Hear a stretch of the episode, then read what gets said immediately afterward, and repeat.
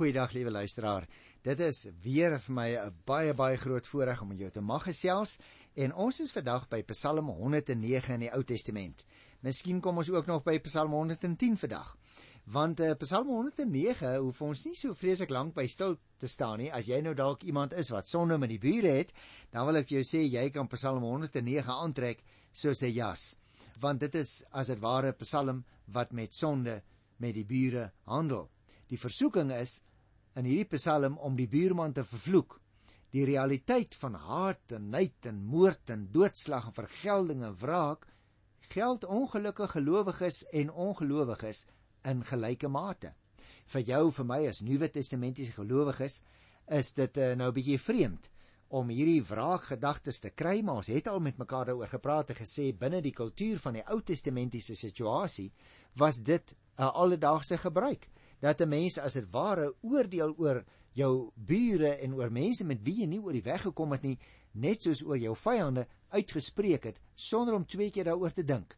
Vandag sal ons nou nie so maklik uh sommer net al sulke gedagtes onderskryf nie wanneer Jesus het vir ons geleer in die Nuwe Testament as iemand jou op die linkerwang slaan, moet jy ook die ander wang draai. Maar gesien in die konteks waarin die psalms ontstaan het en dit is wat ons mekaar probeer verduidelik kan 'n mens nou teen die agtergrond van daardie kultuur uh, ook verstaan dat dit soms neerslag gevind het in die psalms. So as ek nou vir jou 'n uh, oorsig breedweg moet gee voordat ek so 'n bietjie na die detail kyk, dan lyk dit vir my dis baie duidelik die digter is in benoudheid en hy bid nou dat die Here hom tog daaruit sal verlos. Daarna volg nou 'n hele lang lyste van al die ellendes en die rampe wat die bidder se teenstanders hom toewens. Die teenstanders wil natuurlik nie hê dat die regverdige God of 'n regverdige regter by die saak betrokke moet raak nie, want dan sal die bidder nie skuldig verklaar word nie. Die sleutelvers lyk vir my is in vers 6: Stel 'n misdadiger aan as sy regter. Laat een wat vyandig is hom aankla. Nou dis natuurlik baie ongewone toedrag van sake nie waar nie, luisteraar. Die rolle is presies omgekeer. 'n Goddelose tree as regter op en Satan, dit is die woord wat die digter hier gebruik, is die aanklaer. Die doel daarmee is natuurlik om die uitslag vooruit te loop. Die bidder se lewe word in gevaar gestel deur sy vyande vals beskuldig. En nou bid hy in hierdie Psalm dat die Here die dinge wat hulle oor hom wil bring oor hulle self moet laat kom. So kom ons kyk so 'n bietjie, dit is die breë gedagte van die Psalm. Uh, en ek lees so hier en daar uit elke afdeling so ietsie. Hier in vers 1 tot 5. U is die God wat ek altyd loof. Moet tog nie my gebede onverhoord laat nie. Dit is goddelose mense en leuenaars wat my aankla. Hulle getuig vals teen my met woorde vol haat, tref hulle my van alle kante sonder enige rede val hulle my aan. My liefde beantwoord hulle met vyandskap en dit terwyl ek nog altyd vir hulle gebid het. So vergeld hulle my met kwaad vir goed en haat vir liefde. So jy sien liewe luisteraar, die gelowige wat hier aan die woord is, betreur eintlik sy situasie dat dit uh mense is wat die Here nie ken nie en nie dien nie en hom so baie moeite gee. Hy spreek nou sy vertroue in die Here uit deur die Here aan te spreek as die God wat ek altyd loof. Jy sien sy posisie is soos relatief moeilik en benard. En God moet tog asseblief sy gebede verhoor, vra hy. Hy vertrou met ander woorde op die uitspraak wat hy van die Here sal verneem. Sy teestanders is goddelose leenaars wat hom vals beskuldig staan daar. Hy doen goed aan hulle en hulle beantwoord dit met haat. Maar die ergste wat nog gebeur is dat hulle verwensinge teen hom uitspreek en nou beroep hy hom op die Here. Nou goed, die volgende strofe is vers 6 tot by vers 19. Ek het gesê ek gaan dit nie alles in detail behandel nie. Maar waar hierdie mense nou sê en nou sal jy sien uh, al die nare dinge wat hulle oor hierdie regverdige kind van die Here uitspreek en wens dat dit sal waar word. Toe ek 'n vorige keer oor hierdie goed met jou gepraat het, kan ek onthou luisteraar dat ek gesê het 'n mens kry nogal vandag ook somtyds die gedagte by sommige mense baie sterk dat uh, as jy almekaar negatiewe goed praat en dink, dan trek jy dit as dit ware op jou neer. Dan trek jy die ongeluk op jou neer. Nou persoonlik sou ek nie so ver wil gaan om te sê dat dit uh, sal gebeur nie, maar wat wel belangrik is, liewe luisteraar, as ek voortdurend negatiewe dink en ook negatiewe goed sê, dan word ek naderhand 'n negatiewe mens. Ek sien naderhand net altyd die donker kant van die lewe raak. Ek word regte ou genis.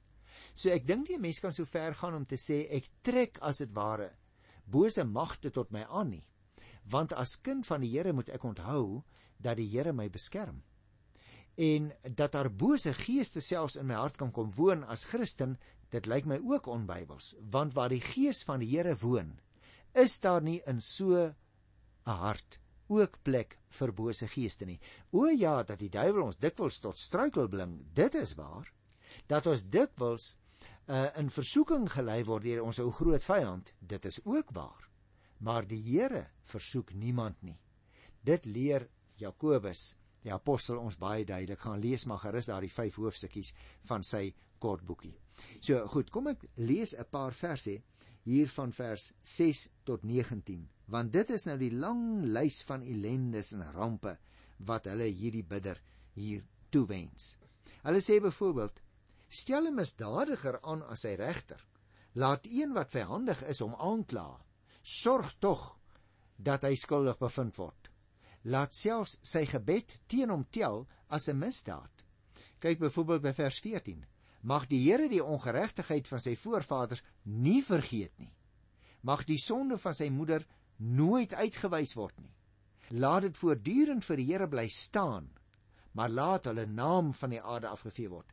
Jy sien dus hierdie mense vra dat hierdie bidder nie vergewe sal word nie en dat die sondes wat sy voorvaders gedoen het in die verlede dat dit ook nie vergewe sal word nie. Daarom het ek jou gesê eintlik wil ek nie lank hier by stil staan nie want uh hierdie mense wat aan die woord kom in die Psalm en wat die regverdige bidder te na wil kom is mense met wie jy en ek mos ook nie graag geïdentifiseer wil word nie. Nou 'n Mens moet versigtig wees dat jy jouself nie oor ander mense verhef nie, luisteraars. En daarom moet ons voortdurend as ons luister na negatiewe mense en sê maar ek wil nie met hulle te maak hê en ek wil nie in hulle kring sit nie, want hulle stem die hele atmosfeer in my gemoed duister en negatief en donker. Dan moet ons onsself vra, maar goed, wat is dan die gesindheid wat in my hart heers as kind van die Here? En Paulus sê vir ons baie duidelik in Filippense 2 by die 5de vers: Hierdie gesindheid moet in julle wees wat daar ook in Christus Jesus ons Here was. Kom ek wees baie prakties luisteraars. As jy byvoorbeeld in 'n omgewing werk waar mense vreeslik vloek en die Here se naam ydel gebruik en besig is met negatiewe goed en oneerlikheid, dan wil daardie atmosfeer ook mos voortdurend dreig om jou toe te lê as ek dit nou so mag uitdruk. Jy raak naderhand baie maklik selfmorbied as gevolg van die dinge wat jy hoor wat altyd net negatief is. En later staan jy op in die môre en dan praat jy ook maklik negatiewe dinge. Ek wonder wat gaan my tog nou vandag weer alles oorkom. Ek wonder hoe hard sal ek moet werk. Ek wonder wat is al die probleme wat by my kantoor deur gaan instap. Mens moet dus baie baie versigtig wees dat jy seker maak jy ook soms in 'n situasie en in 'n omgewing kom waar daar positiewe dinge op jou vyf sensors sal registreer, né? Ons vyf sensors is nou ons gesig, ons gehoor, ons gevoel, dit wil sê uh my vel, my reuk en my smaak. Want as ek altyd net negatiewe data invoer, dan is die gevaar daar dat ek baie maklik negatief kan raak. En geen kind van die Here wat net altyd negatiewe goed praat of wie se gemoed negatief is, gaan 'n getuienis dra nie. Daarom ter wille van die Here en sy eer moet ek sorg dat ek ook positief gestem word. Uh, dan is my getuienis soveel beter. Dit bring ons dan by Psalm 110 Nou ek het van tevore al na hierdie Psalm verwys en daaroor gepraat. Daarom gaan ek dit nou nie hier indringend doen nie, maar ek dink daar's tog baie belangrike dinge wat ons oorsigtelik onder mekaar se aandag moet bring. Want jy sien, liewe luisteraars, Psalm 110 is eintlik een van die bekende psalms. een van die 10 koningspsalms soos dit soms genoem word en word dan ook as 'n messiaanse psalm vertolk. Die feit dat God sy vyande finaal deur Christus oorwin het.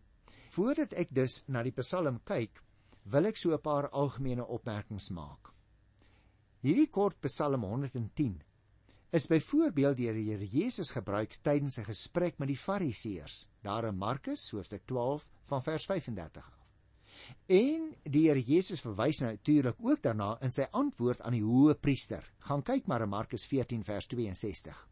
Ons moet ook onthou luisteraars, die apostels het Jesus se hemelvaart ook verklaar as 'n aanvulling van die uitspraak van hierdie Psalm.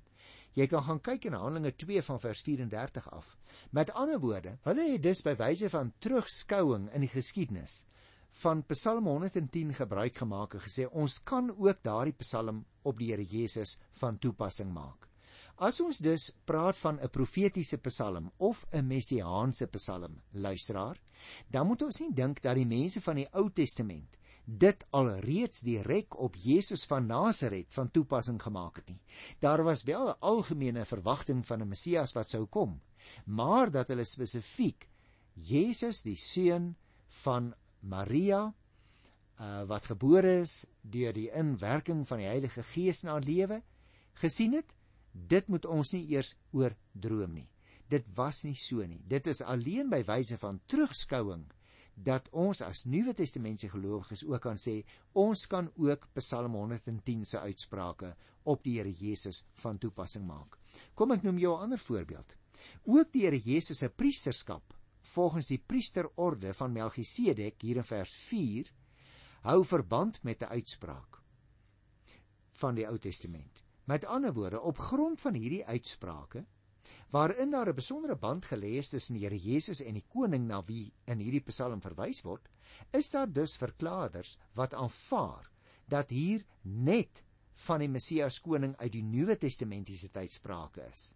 Maar die saak van skrifuitleg is nie so eenvoudig nie. In sekere opsigte geld vir die Psalm wat ek ook gesê het by Psalm 2 destyds, want in later tye is uitsprake van die twee psalms op die Here Jesus van toepassing gemaak.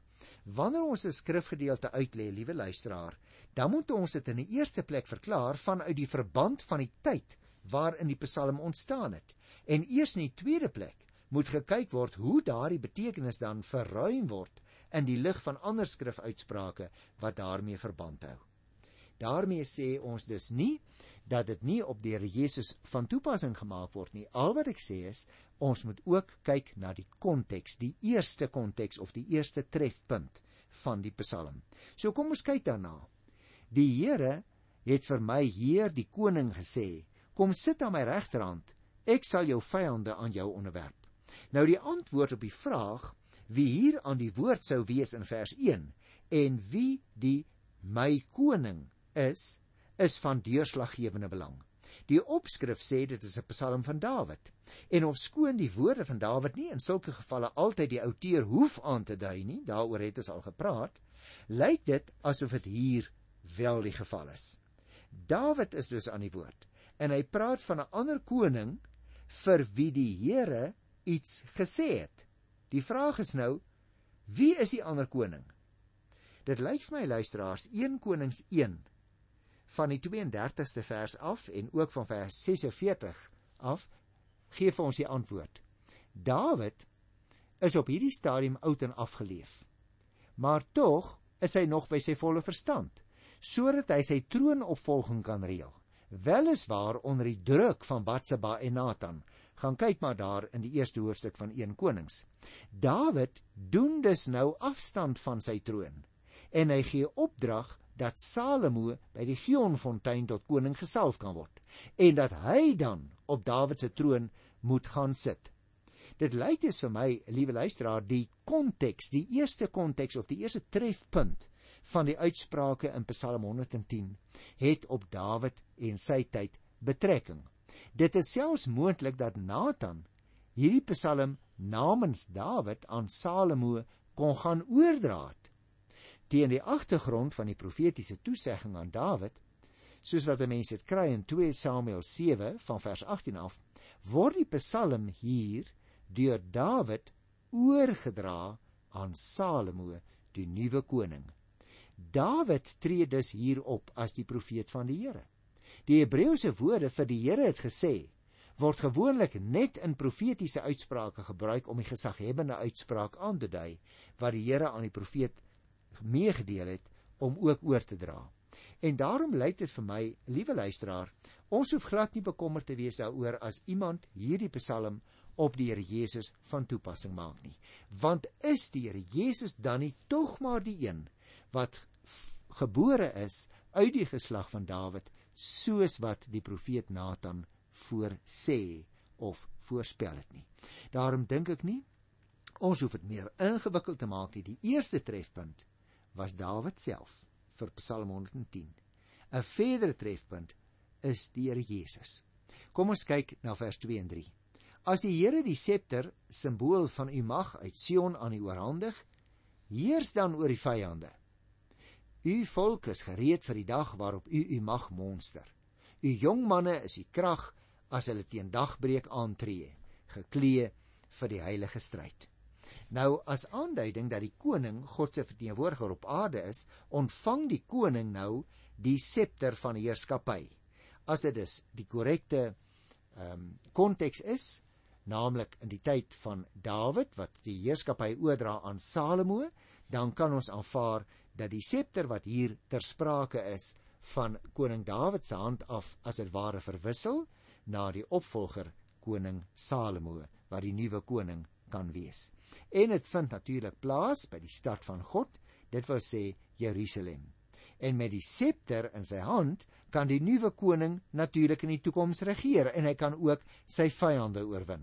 In sy stryd teen die vyande, sê vers 1 se laaste sinnetjie, word hy deur die Here gehelp. Interessant ook, nê nee, luisteraar, die beeld van die dou wat in die Hebreëse teks gebruik word, is in Afrikaans in vers 3 se tweede gedeelte vertaal met krag en dit moet verklaar word in die sin van 'n oorvloedige krag waaroor Salomo sal beskik. Nou ons weet Salomo was nie in dieselfde mate 'n uh, vegter en 'n soldaat as Dawid nie, maar as hoof van die leer het hy natuurlik oor baie mag beskik. Die koning se onderdane was dus wel baie toe goed toegerus vir die wat hier genoem word vir die heilige oorlog.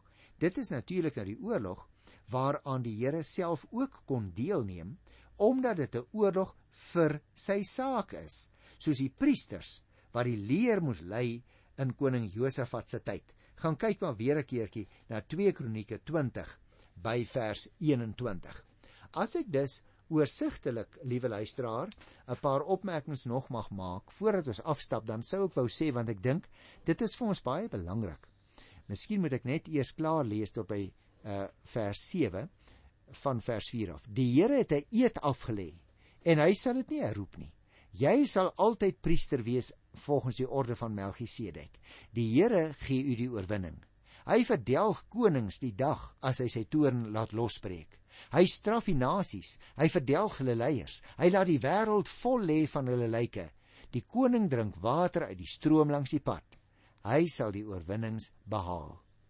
Jy sien, die tweede godspraak vind ons hierso van die 4de vers af. Jy sal altyd priester wees in die priesterorde van Melchisedek. Nou ons het oor Melchisedek gepraat toe ons Genesis 15 behandel het. So ek gaan dit nie nou weer doen nie. Wat vir ons van belangrik is, is dat die kort ondubbelsinnige sinne wat hier gebruik word, goed pas by die geheimsinnige orakelstyl. Dit wil sê die openbaringstyl. Hier word nie goed onderskei tussen God en wat die koning doen nie. Dit wil vir my voorkom luisteraars of die priester nou weer vir die koning aanspreek en hom meedeel dat die Here die keer aan sy regterhand is om hom te beskerm. Met ander woorde, met die linkerkant hou die koning die skild vas en is dus aan sy regterkant onbeskerm. Nou dis natuurlik 'n skrikwekkende dag, die dag as die Here se toorn losbreek. Die Here voer dus eintlik in hierdie heilige oorlog self die leer teen die vyand aan. Daarom was by oud Israel, dit moet ons altyd onthou, was die koning 'n verteenwoordiger van die Here. Maar die een om wie dit eintlik gaan, is nie die koning nie. Dit is die Here. Daarom luisteraar, moet ons onthou was Dawid in 'n baie belangrike uh, sin die simbool van die Here se teenwoordigheid onder sy volk en dit word nou oorgedra op Salomo en ook elke koning na hom. Daarom is dit so belangrik dat toe die konings ontrou geword het aan die Here, hy wat die Here is, die profete gestuur het om die konings tot orde te roep. Ek dink 'n baie belangrike versie wat ons nie moet miskyk nie, is vers 7. Wanneer ons praat oor hierdie saak, op wie het hierdie uitsprake van Psalm 110 in die eerste plek betrekking. Nou as 'n mens kyk na daardie vers 7, die koning drink water uit die stroom langs die pad. Hy sal die oorwinning behaal. Dan is dit baie duidelik dat dit hier gaan oor 'n aardse koning wat uittrek in die stryd. Hy roep sy strydwa tot stilstand by 'n stroompie water om water te drink. En hulle vertrou dat hy as hy in die naam van die Here uitgaan en in die krag van die Here dat hy die oorwinning sal behaal. Nou luisteraars, ek wil oor hierdie 7de versie nog 'n paar goedjies net sê voordat ek aftree. Een veldslag was natuurlik nie voldoende om die vyand se mag geheel en al te verbreek nie. Hy moet agtervolg word, hy moet finaal om die lewe gebring word. Gaan kyk maar aan 2 Samuel, die eerste hoofstuk van die 4de vers af.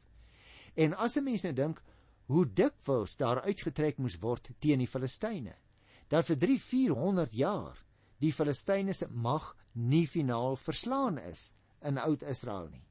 Die waarheid te sê, dit kan selfs heelwat langer geduur het, hoewel die Bybel nie altyd later in die geskiedenis so direk daarna verwys nie. D dan verstaan 'n mens dat 'n koning soms meer as een keer moes uittrek teen die vyand. En so 'n agtervolging van die vyand word op baie plekke vermoed. Byvoorbeeld selfs in uh, die gedagte van dat die koning water drink uit die stroom langs die pad wat ons hier kry in vers 7, gaan kyk daarvoor na 'n voorbeeld in 1 Samuel 14 van die 22ste vers af.